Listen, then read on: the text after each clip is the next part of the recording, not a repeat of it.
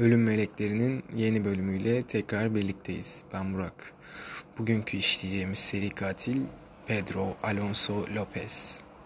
Ant Dağları canavarı olarak da geçer. 250'ye yakın küçük kızı kaçırıp öldürdüğü hmm, tam kanıtlanamasa da çünkü hikayede anlayacaksınız neden kanıtlanamadığını.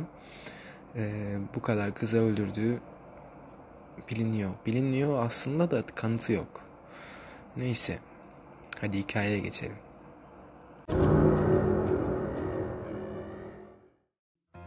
...20. yüzyılın en cani ve en acımasız çocuk katili... ...Pedro Lopez... ...1949'da Kolombiya'da doğdu. Pedro, Güney Amerika'nın en sıkıntılı olduğu dönemde dünyaya gelmişti. Kolombiya'da dahil çoğu ülkede siyasal ve ekonomik sorunlar vardı. Ülkede sürekli ayaklanmalar ortaya çıkıyordu. Pedro'nun annesi bir fahişeydi. Tam 13 çocuğu vardı. Bu kadar çocuğu idare edebilmek için sık sık onları dövüyordu. Evde sürekli dayak yiyen Pedro sürekli iç savaş yaşanan sokaklardaydı. Bu sıralarda ise Kolombiya'nın suç oranı dünya ortalamasından 50 kat daha fazlaydı. Sokaklarda büyüyen Pedro daha çocuk yaştan bir serseri olmuştu. 1957 yılında 8 yaşındayken kendinden bir yaş küçük olan kız kardeşini tacizde bulundu. Annesi bu olayı öğrendiğinde Pedro'yu evden kovdu. 8 yaşındaki Pedro artık sokaklarda tek başınaydı. Birkaç ay sonra sokakta ona yardım etmek isteyen bir adamla karşılaştı. Bu adam onu terk edilmiş bir harabeye götürdü. Onu orada önce dövdü, ardından defalarca taciz etti. Pedro artık sokakların gerçek yüzünü ve insanların ne kadar acımasız olacağını biliyordu. Bir yıl kadar insanlardan uzak tenha yerlerde yaşadı. Yiyecek ihtiyacını ve kıyafetlerini çöpten buldu. En sonunda bir trene kaçarak Bogota şehrine kaçtı. Bogota'nın sokaklarında yemek ve para dilenerek yaşamaya devam etti. Bu sefil hayat devam ederken Amerikalı bir çift onu yanına aldı. Hatta Pedro'yu yetimlerin gittiği bir okula verdiler. Pedro hayatında ilk kez temiz giysileri giyiyor, az da olsa karnı doyuyor ve ait olduğu okula gidiyordu. Zor da olsa arkadaş edinmeye çalışıyordu. Pedro sonraki bir Pedro sanki bir rüyada gibiydi. Üç yıl boyunca bu rüya devam etti. Ama bu rüya çok uzun sürmedi. 12 yaşına geldiğinde okuldaki bir öğretmeni onu boş bir sınıfa götürdü ve tecavüz etti. Hayatı yine mahvoldu. Hiç kimseye bir şey söylemeden Pedro okuldan bir miktar para çalarak buradan kaçtı ve yeniden sokaklara düştü.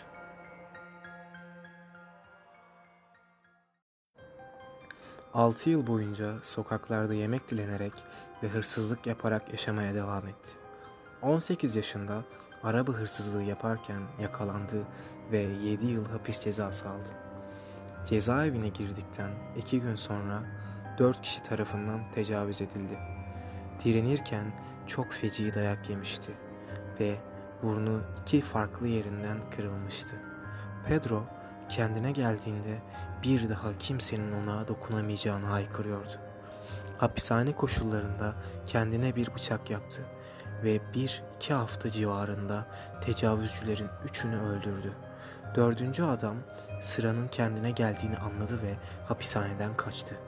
Mahkeme bu cinayetlere nefsi müdafaa kararı verdi ve cezasının sadece iki yıl eklendi. Hapiste geçirdiği dokuz yıl boyunca hep acı çekti. O yıllara kadar hiçbir kadınla ilişkisi olmamıştı ve kadınlara karşı da çekingen, korkak tavırlar sergiliyordu. Bunu da annesinin onun üzerinde kurduğu baskıya yoruyordu. Annesi üzerinde tüm kadınlara düşman olmuştu. 1978 yılında tahliye oldu. Hapisten çıktığında artık tamamen boşluktaydı.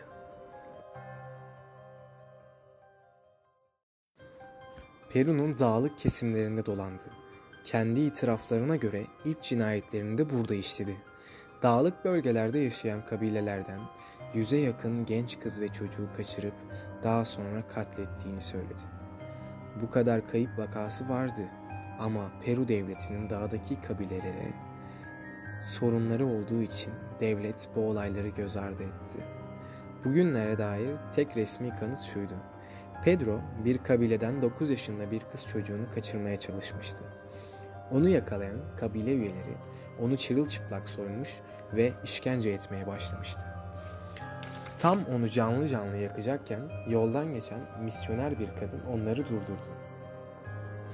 Tanrı'nın bunu kabul etmeyeceğini ve bu adamı polise vermeleri gerektiğini söyledi. Kabile de bu kadını dinledi ve en yakındaki polis karakoluna Pedro'yu teslim ettiler.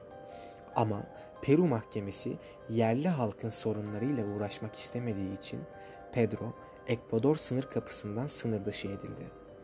Pedro Lopez bu sefer de Kolombiya ve Ekvador arasında gezmeye başladı. Kısa süre sonra Ekvador polisine yüzlerce kayıp kız ilanı gelmeye başladı. Tabi polis bu kadar ihbar karşısında tek bir suçlunun olabileceğini düşünmüyordu. Çünkü o dönem mafyanın küçük kızları kaçırıp seks işçisi olarak büyütmesi çok sık rastlanan bir olaydı. Fakat çok uzun zaman sonra cesetler bir bir ortaya çıkmaya başladı. Bunların seri cinayetler olduğu polisin artık bildiği bir şeydi.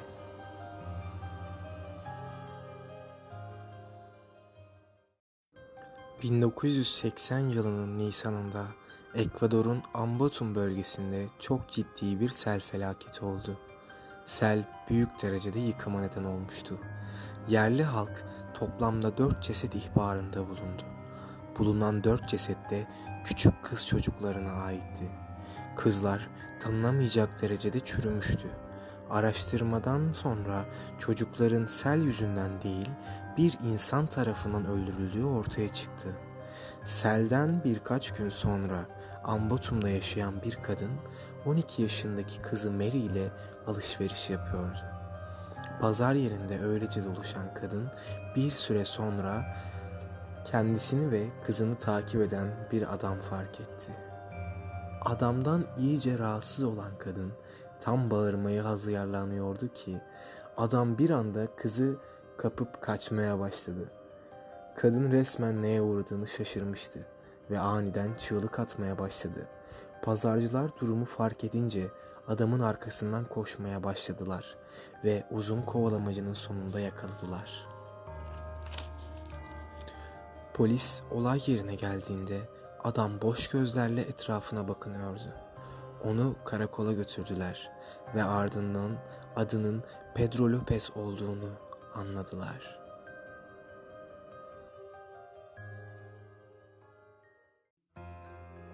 Pedro Lopez uzun sorgu boyunca sadece sustu.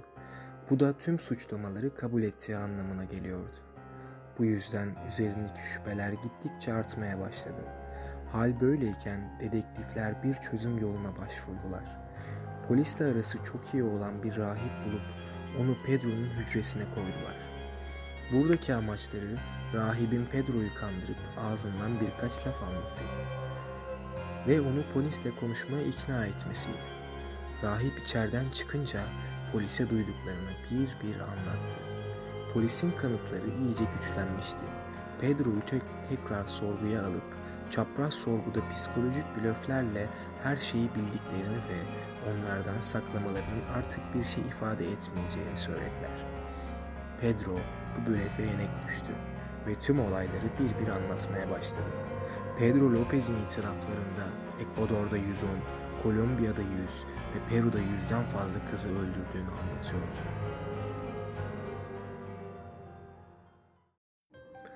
Pedro işlediği cinayetlere neden olarak yaşadığı acı dolu hayatı ve tek başına geçirdiği yılları öne sürüyordu. Polise bir keresinde şöyle demişti. Masumiyetimi 8 yaşında kaybettim. Bana çok kötü şeyler yapıldı. Ben de bana bu yapılanı elimden geldiğince küçük kızlara yapmaya karar verdim. Haliyle polisler bu sözlerden çok rahatsız oldular. Fakat sorguya devam etmeliydiler. Ayrıca Pedro Lopez polislere soğukkanlılıkla cinayet yöntemlerini de anlatıyor. Cinayetlerdeki önemli noktaları rahat rahat onlarla paylaşıyordu.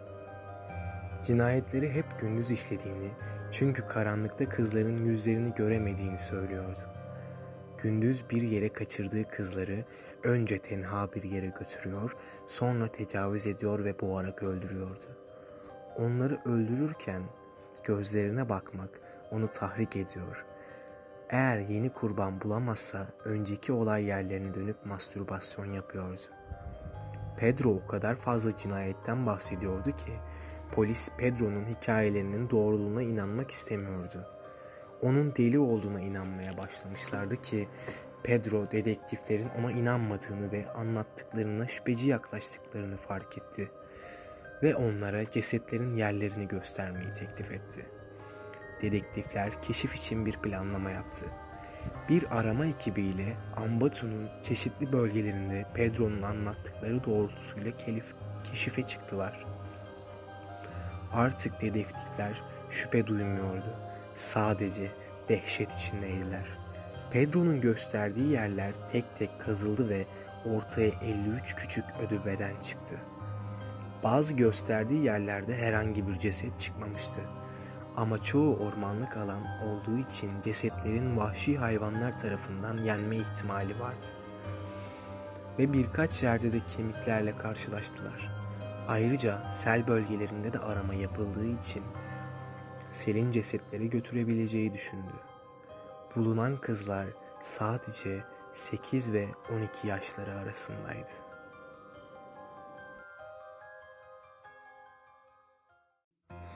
Bu kadar delil Pedro Lopez'i mahkemeye çıkarmak için yeterliydi. Ekvador'da 110 kişiyi öldürdüğü artık ortadaydı.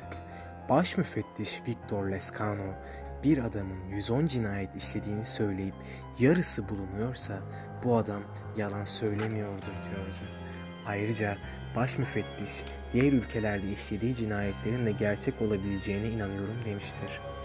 Pedro Lopez 1980'de yargılanmaya başladı.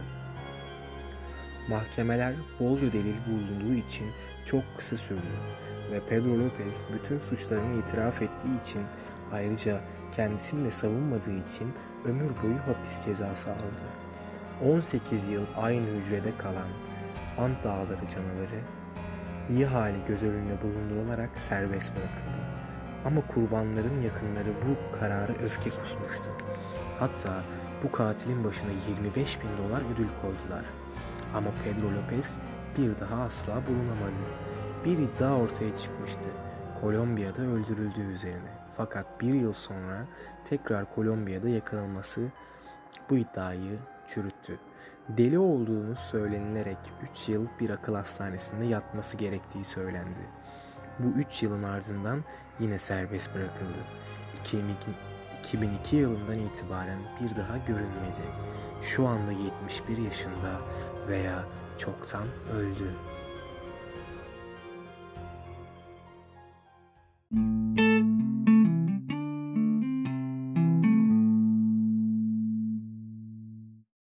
Evet hikayemiz bu kadardı.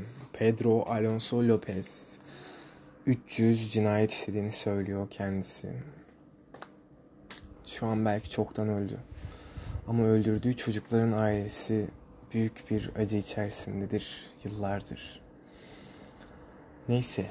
Burada önce teşekkür edeceğim e, iki arkadaşımıza. Musa Toros ve İsa Toros bu videonun yapılmasından maddi olarak e, aynı zamanda birazcık da manevi olarak bana yardımcı olmuşlardır. E, zaten ikisi de çok ilk destekçilerimizden, Patreon'dan, patronlarımızdan e, maddi desteklerinin devamını, manevi desteklerinin de e, devamını bekliyorum. Şimdi birazcık cinayet, e, katil hakkında konuşacağım. Önce konuşmak istediğim konu şu. Çocukluğunu dinlediniz hepiniz. Ne kadar çocukluğunun acılarla geçtiğini. Ama insanın aklında beliren şey şu hani madem bu kadar acı dolu bir hayat yaşadın yani bu acıyı neden e, seninle aynı acıları başkalarının da yaşamasını istiyorsun? Yani bu mantıksızlık hatası olacak. Tek tek e, benim fikirlerime de geçeceğiz. Bu aradaki teşekkürü de geçtikten sonra. Şimdi benim fikirlerime geçelim. Müzik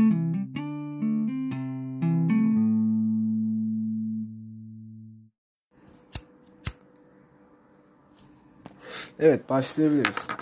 Biraz e, Freudcu düşünürsek eğer bu çocuğu çocukluğunda yaşadığı şeylerin e, geri kalan hayatını etkilediğini düşünebiliriz. Ama şöyle bir şey yani annesinin baskıcı olması, annesinin aynı zamanda fahişe olması, e, uzun yıllar hiç kadınlarla ilişkileri olmaması, çocukluğunda ve gençliğinde tecavüzlere defalarca uğramış olması onun bir cinsel e, bunalıma, cinsel seçilim farkına falan götürebilecek şeyler. Ama şurada önemli nokta biraz da Carl Jung gibi düşünmek gerekirse önemli nokta çocukluğunda zaten o da kız kardeşine tacizde bulundu. Hiç kimse onu taciz etmemişken. E bunun nedeni neden demekten daha doğru olan bunun etkileyen faktörü annesinin fahişe olmasına ve e, etrafındaki ilk kadın olmasına bağlayabiliriz. Ama daha ergenliğe girmemiş bir çocuğun bir tacize yönelmesi gerçekten kafa karıştırıcı bir nokta. Ama benim inandığım şeye göre gerçekten bir yani psikoz içinde olamaz. Çünkü eğer bir psikoz içinde olsaydı onunla öldürdüğü şeyleri insan olduğunu bilmez. Ee, bir farklı bir şey olarak görür. Kendi gerçekliğinin içinde yaşardı. Bir sosyopat olduğunu biliyoruz ama psikopat olduğunu, bir psikoz içinde olduğunu düşünmüyorum şahsen. Neden küçük kızlar? Büyük bir ihtimal küçük e, çocuklar hani erkek de olsa kız da olsa daha savunmasız ve daha kolay hedefler olduğu için olabilir. Ama cinsel isteği de o yönde olabilir. Hani e, çünkü tecavüz de ediyor ve boğarak öldürüyor. Boğarak öldürmek de hakimiyet duygusunu güçlendirir ki şöyle bir şey de var. Zaten çocukluğundan mahrum kaldı ve bir geçenki bilgi videolarında gerçi bilgi e, kayıtlarını çok fazla dinlemiyorsunuz. bir katil atıyorum 600 kişi dinliyor. Bir bilgi videosu atıyorum 150 kişi dinliyor. Neyse size bilgi yaramıyor. Ben şeyden bahsedeceğim. Ee, gerçi orada bu bunların nedenlerini tek tek anlatıyorum ama büyük bir ihtimalle aralara tekrar böyle bilgi kırıntıları yerleştirmek iyi olacaktır. Ee, boğarak öldürmek bir e, cinsel sadizm objesidir. Cinsel sadizm de karşındaki kişiye mutlak hakimiyet sağlamak üzerindedir. Ama Carl Jung'un zaten çocukluğuna ve gençliğine baktığımız zaman hiçbir zaman e, şey derler ya Türk e, argosunda şey vardır bir sike sap olamamış derler. Aynen hayatında tamamen hiçbir şeye vakıf olamamış bir insan olduğu için tamamen hayatı sokaklarda geçmiş olduğu için tamamen başka insanlar tarafından kullanılmış ve e, onu içine kapanık yaşamasına, içine kapanık olmasına ve tamamen yalnız kalmasına yönelik bir hayat sürdüğü için burada cinsel sadizmin ortaya çıktığını da görebiliyoruz. Zihinsel durumuna değinmek istiyorum. Zihinsel olarak bir psikozun içinde olmadığını düşündüğümü söyledim. Ama psikanalitik bakarsak da kendini gerçekliğe çok yakın bir psikoza da inandırmış olabilir. Neden diyeceksiniz? Çünkü o çocukları annesi olarak psikotize edip onlara öyle saldırmış da olabilir. Fiziksel durumu gayet yerinde bir adam. Her ne kadar sokaklarda büyüyüp e, hırsızlık yaparak ve çok böyle besin çok iyi beslenemeyerek büyümüş olsa da fiziksel durumu boyu posu yerinde güçlü kuvvetli bir adam.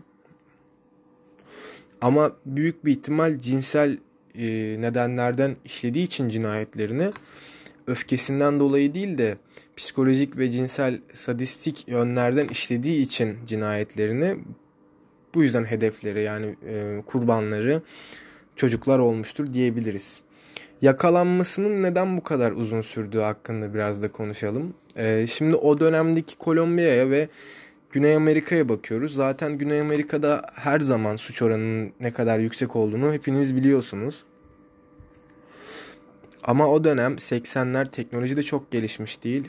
Bir insanın bir çocuğu kaçırıp öldürmesi güvenlik kameraları çok fazla yaygın olmadığı için kolay anlaşılmıyor ki zaten cinayetlerinin çoğunu da e, kabilelerden kaçırdığı çocukları ve böyle fakir kesimlerde yaşayan ailelerden kaçırdığı çocukların olduğunu biliyoruz. Çünkü ulaşılması daha kolay hedefler, daha açık hedefler.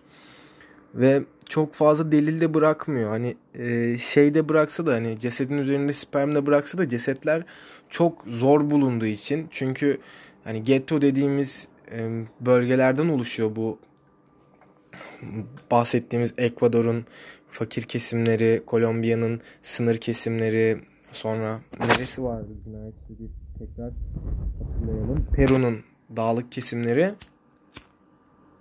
çok fazla şehirleşmemiş kısımlar olduğu için bulunması da cesetlerin uzun sürüyor. Cesetler bulunmadıkça da kanıtlar ortaya çıkmıyor ve zaman geçtikçe ceset bulunamadığı için kanıtlar da siliniyor doğal faktörler nedeniyle. Ve bu yüzden yeterli kanıt olmadığı için de çok uzun bir sürede yakalanıyor ve cinayetlerine bu süre zarfında devam etmeye e, devam ediyor yani. Yaşadığı tacizlerden bahsedeceğim biraz da. Hani anlattığım hikayede çocukluğunda bir adam ona yardım edeceğini söyleyerek tecavüz ediyor. Ardından e, tam ben artık e, bir insan gibi yaşayabileceğim dediği anda güvendiği öğretmeni tarafından tecavüze uğruyor. Ondan sonra 18 yaşında hapse girdikten sonra 4 kişi tarafından dövülerek tacize uğruyor. Ve bunlar da gerçekten hani Carl Jung'un da dediği gibi hayatımızda hani çocukluğumuzda anne figürüdür, baba figürüdür, bu tarz şeylerdir, bu tarz ilgi alanlarımız vardır. E, Freud'un tabii ki de psikanalizin temeline attığı noktalar bunlar kesinleştirilmiş şeylerdir. Fakat hayatının devamında yaşadığı şeyler bunların üstüne bu tabanın üstüne bu zeminin üstüne bir şeyler eklenerek şey, hayatının değişmesi ve psikolojisinin değişmesi alanındaki toparlayamıyorum ya. İşte bak şunu demeye çalıştım aslında.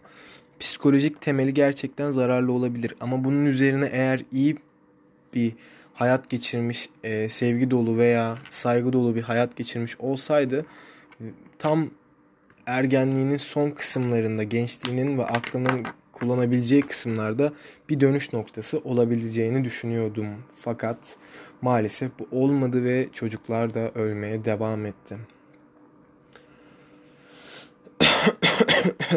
Psikozu yok demiştim tekrar. Boğarak öldürmenin de nedenlerinden bahsetmiştim.